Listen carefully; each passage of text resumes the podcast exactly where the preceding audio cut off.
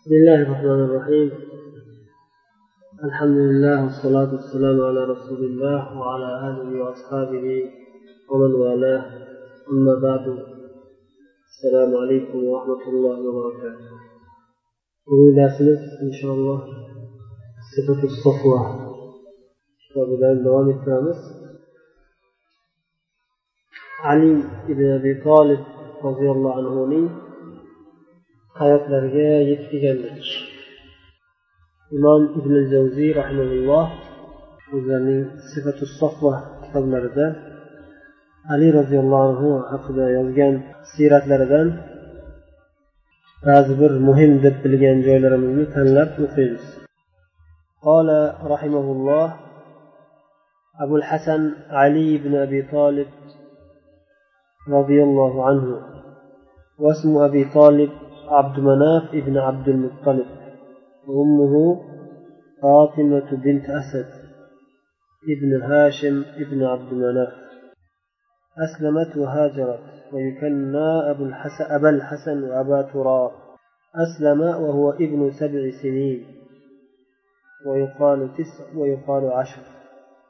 ويقال خمس عشرة وشهد المشاهد كلها ولم يتخلف إلا في تبوك. فإن رسول الله صلى الله عليه وسلم خلفه في أهله في أهله وكان غزير العلم. أبو الحسن علي بن أبي طالب رضي الله عنه.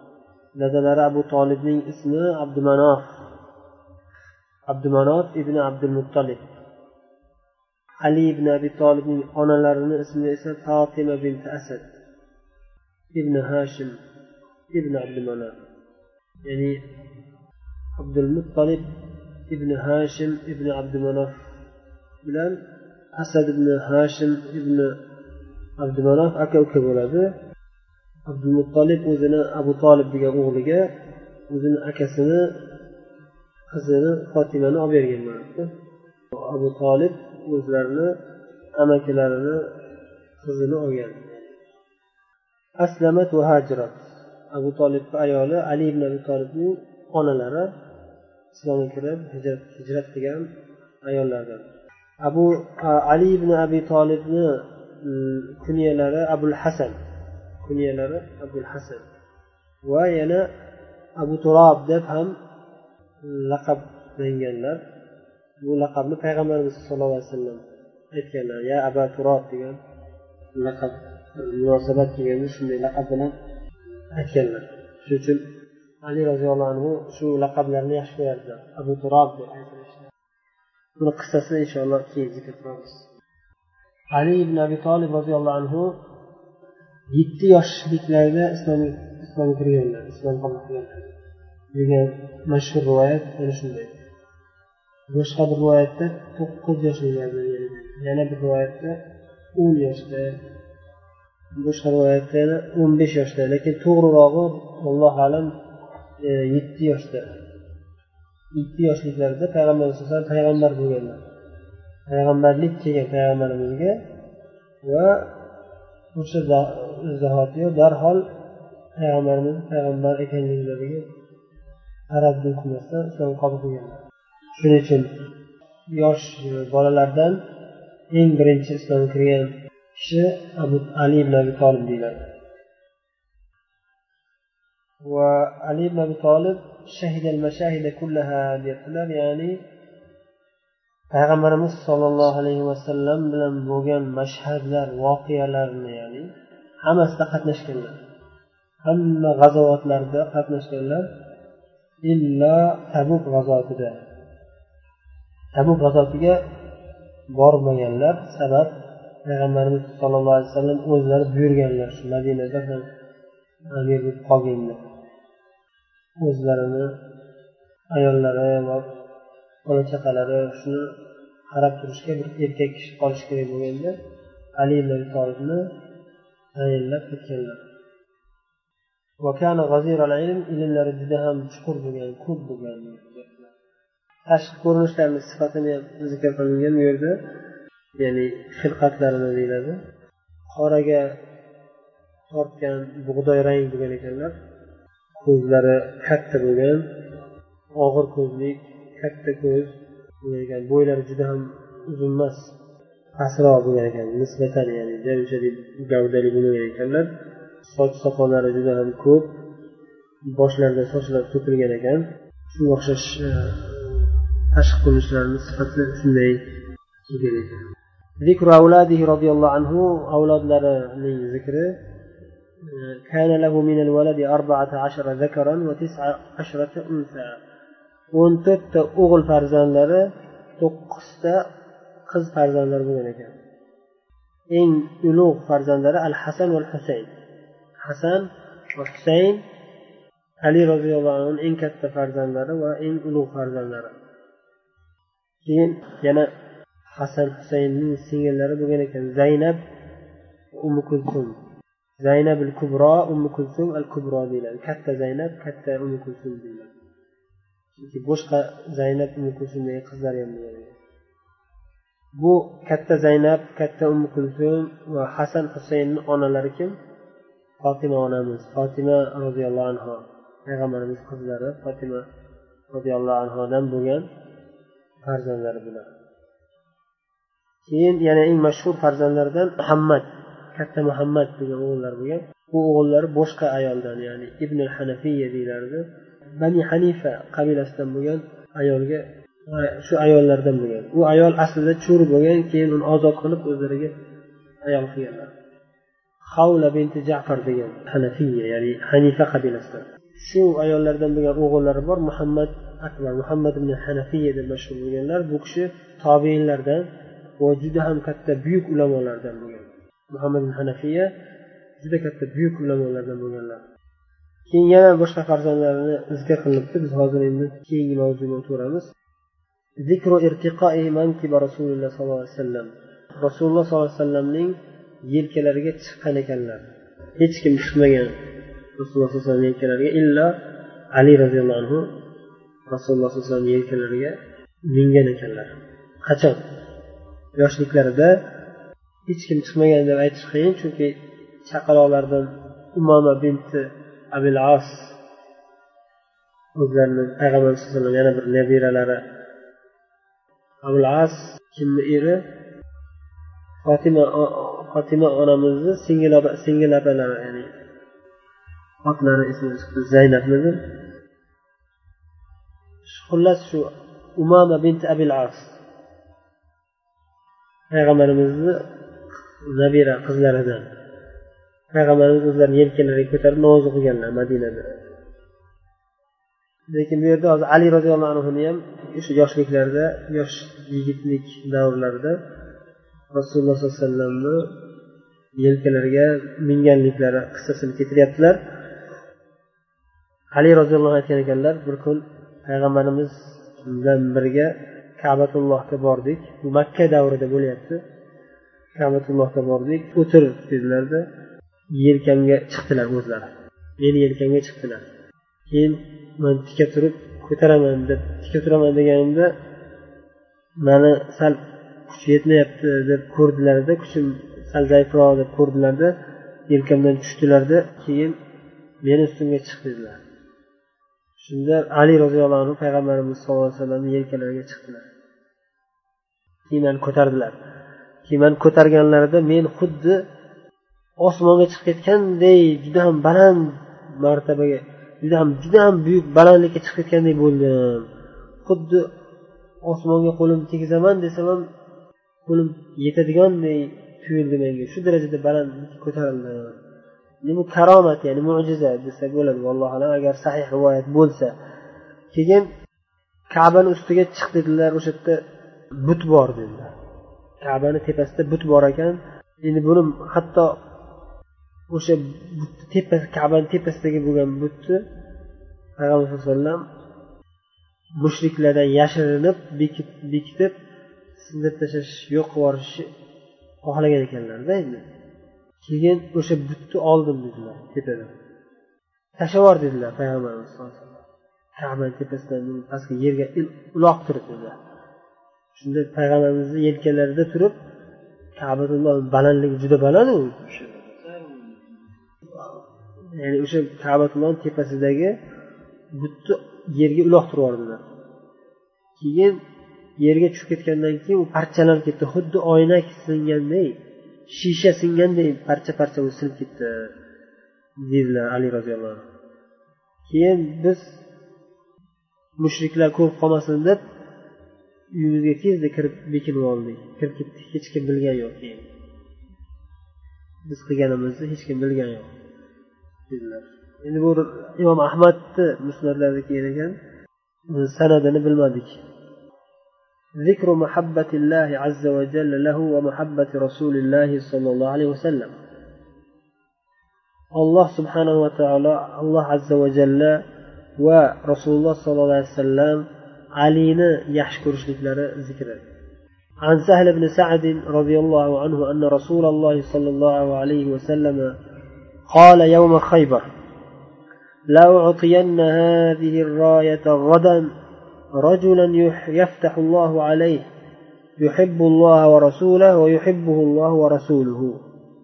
قال فبات الناس يذوقون ليلتهم أيهم يعطاها؟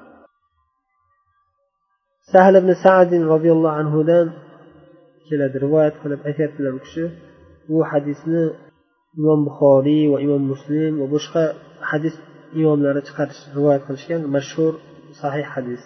رسول الله صلى الله عليه وسلم haybar g'azoti bo'layotgan kunlardan birida aytdilar haybar yavmi haybar ya'ni haybar kuni degani ya'ni haybar g'azotida haybar fath bo'lganda o'sha fath bo'lishidan oldin aytdilarki ertaga dedilar mana shu bayrog'ini ya'ni mujohidlar bayrog'ini ya'ni amirlikni amirlikni bir odamga topshiraman qo'mondonlikni bir odamga topshiraman dedilar. Ya'ni o'sha odam qo'lida olloh fath qiladi. O'sha haybar qal'alaridan biri fath bo'ladi. U odamni olloh va allohning rasuli yaxshi ko'radi. Va u ham olloh va rasulini yaxshi ko'radigan inson dedilar. Shu kecha erta qachon bo'larkin deb odamlar hammalari kimga berilarkin bu bayroq deb kutib o'tirishdi ertaga. Qiziqib qani edi menga bersalar? Deb amirlikka qiziqish yo'q bu yerda amirlikka qiziqishmayapti qo'mondon etib saylanishga qiziqishmayapti. Olloh va rasulini yaxshi ko'rishlik ekanligi yaxshi ko'radigan inson ekanliklariga olloh va rasuli guvoh bo'lishi shu sharaf shu martabaga qiziqishyapti hatto boshqa rivoyatda umar roziyallohu anhudan kelganki amirlikni o'sha o'sha kechadan boshqa biror marta umid qilmaganman. Hech qachon amir bo'lishni umid qilmaganman faqat o'sha kecha payg'ambarimiz sollallohu alayhi vasallam olloh va rasulini yaxshi ko'radigan va olloh va rasuli uni yaxshi ko'radigan insonga beraman. O'sha odamni amir qilib tayinlayman ertaga deganlarida umid qilganman xolos amir bo'lishni degan boshqa hech qachon amirlikni umid qilmaganman keyin erta bo'lganda odamlar kelishdi rasululloh sallallohu alayhi vasallam oldilariga to'planib bomdoddan keyin hamma kulluhum yarju an yu'taha shu bayroq menga berilsa deb har birlari umid qilib o'tirishardi فقال رسول الله صلى الله عليه وسلم أين علي بن أبي طالب علي بن أبي طالب qayerda? Qani u dedilar. Ya rasululloh yashtaki aynay. Ko'zi kasal bo'lib qolibdi ko'zidan og'riyapti dedi.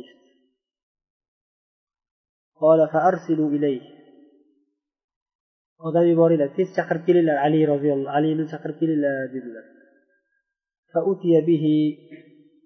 Alini olib kelishdi. Ko'zlari ko'rmay qolgan edi. Ko'zlari kasal bo'lib shu ko'zga chang to'zonlar kirib ko'rmay qolib shunday bo'lgan bo'lsa kerak. Ramadul ayn deyiladi ko'zlariga tushgan kasallik ya'ni. Shunda rasululloh sollallohu alayhi vasallam alini ko'zlarini ochib ikki ko'zlarini ochib tuflab qo'ydilar. Alini ko'zlariga tuflab qo'ydilarda lahu va duo qildilar. Alini ko'zi shifo topilishini allohdan so'rab duo qildilar. فبرئ حتى كأن لم يكن به وجع darhol o'sha zahoti ali roziyallohu anhu ko'zlari shifo topdi xuddi u u lahzadan oldin hech qanday bir og'riq kelmaganday mukammal shifo berildi ali roziyallohu anhuga to'la shifo topdilar endi ko'zlarida hech qanday bir og'riq va hech qanday bir kasallik qolmadi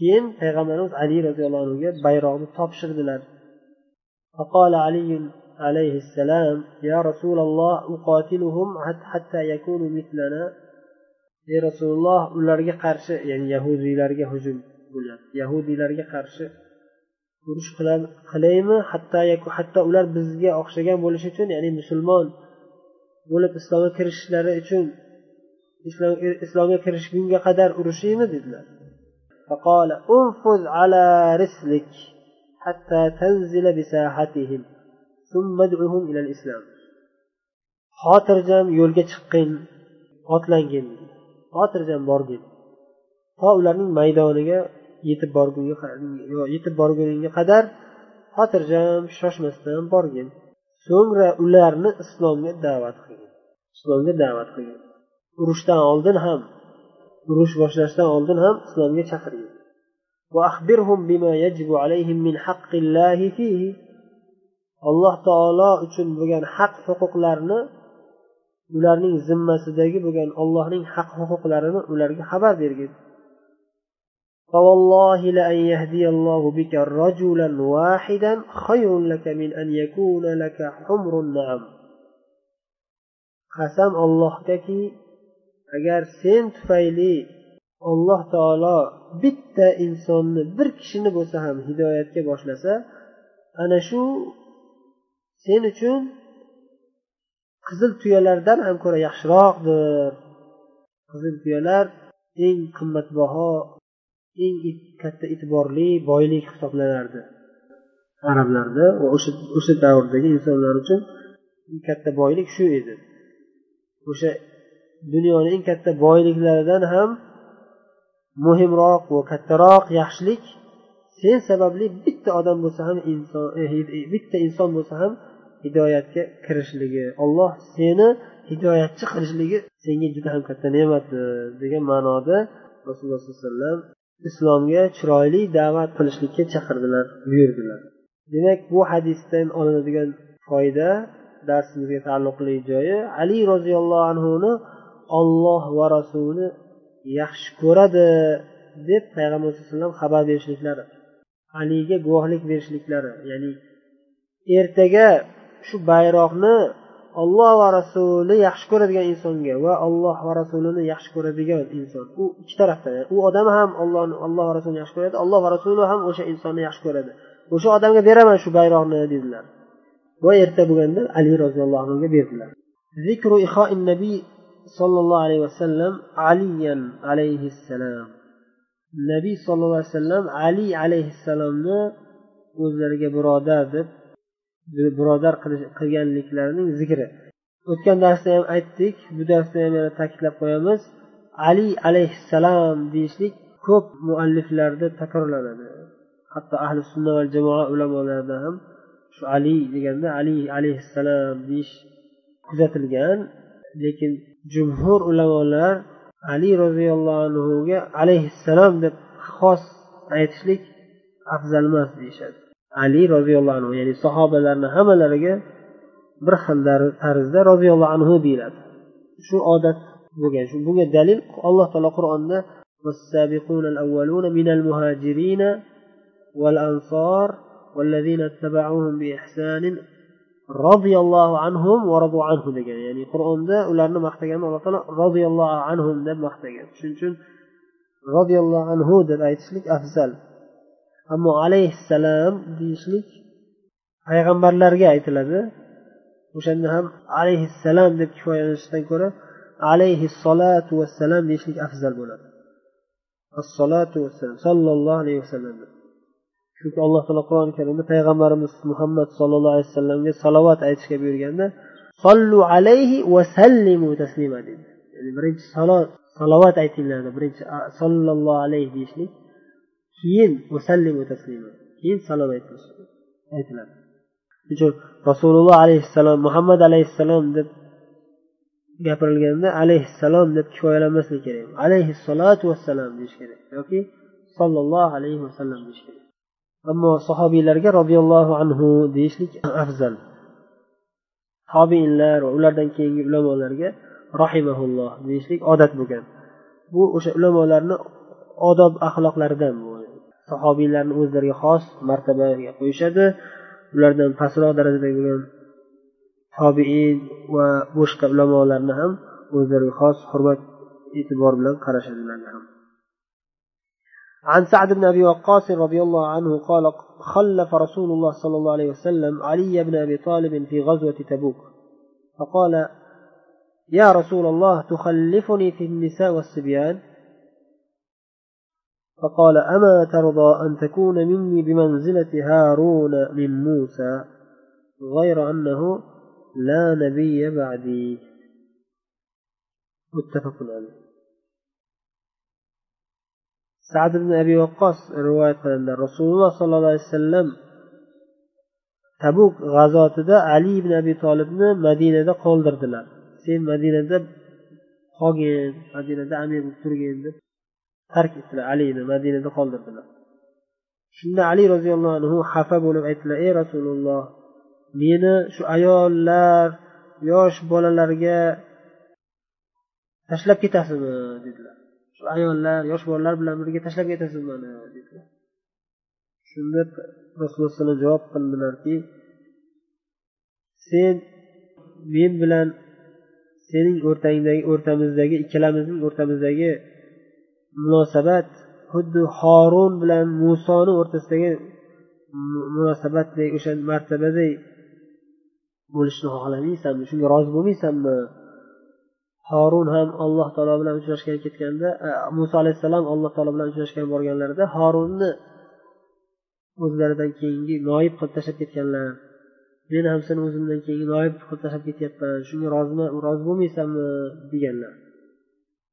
Lekin mendan keyin hech qanday payg'ambar bo'lmaydi faqat. Seni o'zimni orqamdan mana shunday noib qilib tashlab ketyapmanu lekin payg'ambarlik emas bu payg'ambarlik bo'lmaydi dedilar. Ya'ni bu yerda ali roziyallohu anhuga tasalli berdilar. Sen meni o'rinbosarimsan deb. Mana shu hadis eng buyuk fazilatlardan biri. Ali roziyallohu anhu haqlarida kelgan fazilatlardan eng buyuk hadislardan biri shu. Rofidalar shiyalar mana shu hadisni sahih buxoriy va sahih muslimda kelganligi uchun shu hadisni ushlashadi o'zi o'zlaridan to'qib chiqargan ko'pdan ko'p hadislar bor. Yo ali deb boshlangan hamma hadislar to'qima hadislar deyishgan ulamolar. Qaysi hadisda yo ali deb boshlangan bo'lsa qoida bilib qo'yingki o'sha hadis sahih emas. O'sha hadis sahih emas. Chunki muhaddis ulamolar tekshirib chiqishgan. Hamma yo ali deb boshlangan hadislar tagi yo'q hadis bo'lib chiqqan lekin bu degani ali roziyallohu anhu haqida fazilat kelmagan degani emas. Ali roziyallohu anhu fazilatlari buyuk ma'lum. Shu eng buyuk fazilatlardan biri mana shu.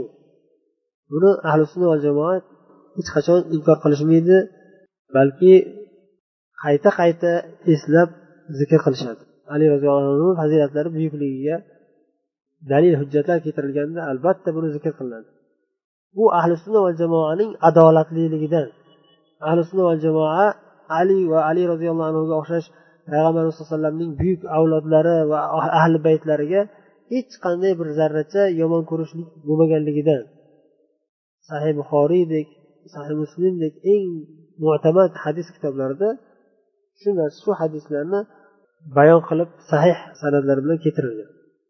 Va bu hech qachon abu bakr roziyallohu anhuni fazilatini kamsitmaydi. Bu hadisdan abu bakr roziyallohu anhuni fazilati past ekan degan ma'no chiqmaydi aslo. Abu bakr va umar va usmon roziyallohu anhuning fazilatlari haqida o'tgan darslarda o'tdik. Ularni ham rasululloh sollallohu alayhi vasallam juda ko'pdan ko'p hadislarda maqtaganlar va eng ko'p hadislarda abu bakrni o'zlaridan keyingi xalifa bo'lib qolishligiga ishora qilib ketdilar. ko'p o'rinda aytib ta'kidlab ketdilar shu abu bakr bo'ladi deb يأبى الله والمؤمنون إلا أبا بكر يأبى الله والمؤمنون إلا أبا بكر يأبى الله والمؤمنون إلا أبا بكر deb hadisda aytdilar olloh va mo'minlar bosh tortishadi abu bakrdan boshqa odamni tayinlashdan abu bakr bo'ladi faqat abu bakrni e'tirof etiladi degan ma'noda hadis aytdilar Va abu bakr roziyallohu anhuni qayta qayta ta'kidlab imomlikka o'tkazdilar imom bo'lsin deb va abu bakr roziyallohu anhudan boshqa hamma sahobiylarni masjidga kirgan kiradigan eshiklar yopilsin bitta abu bakr qolsin dedilar. Mendan keyin abu bakrga uchranglar dedilar. Va hokazo. Ko'pdan ko'p hadislarda abu bakr fazilatlari takror takror kelgan.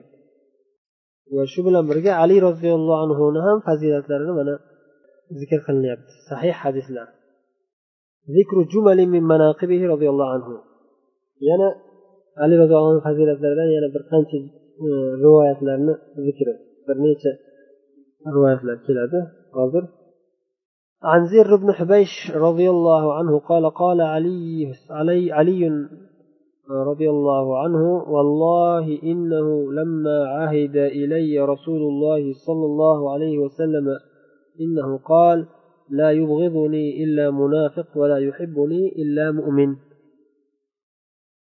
علي رضي الله عنه أتلالك من جاء رسول الله صلى الله عليه وسلم عهد قلت تتلالك يعني من جاء نصيحات قلت تتلالك مني فزلت من تكلب أتلالك seni faqatgina munofiq la yubg'iduka illa munofiq seni faqatgina munofiq odam yomon ko'radi. Va seni faqatgina mo'min odam yaxshi ko'radi. Yana yana bir hadisda rasululloh alayhi vasallam aytadilar man kuntu mavlah fa aliyun mavlah kimniki do'sti bo'ladigan bo'lsam ali ham uning do'sti bo'ladi kimniki mavlosi bo'lsam ali ham u odamga mavlo bo'ladi dedilar وعن سعيد بن المسيب رحمه الله قال كان عمر يتعوذ بالله من معضلة ليس لها أبو حسن عمر رضي الله عنه alloh taolodan panoh tilab aytarkanlarki ey olloh shu boshimizga bir musibat mushkula bir muammo tushirmaginki u muammoni yechish uchun abu hasan abul hasan ali bo'lmasa ali bo'lmasa ali ali ibn abi tolib abu hasan oramizda bo'lmasa bizga shu yechish qiyin bo'lgan bir muammo tushirmagin deb aytarkanlar.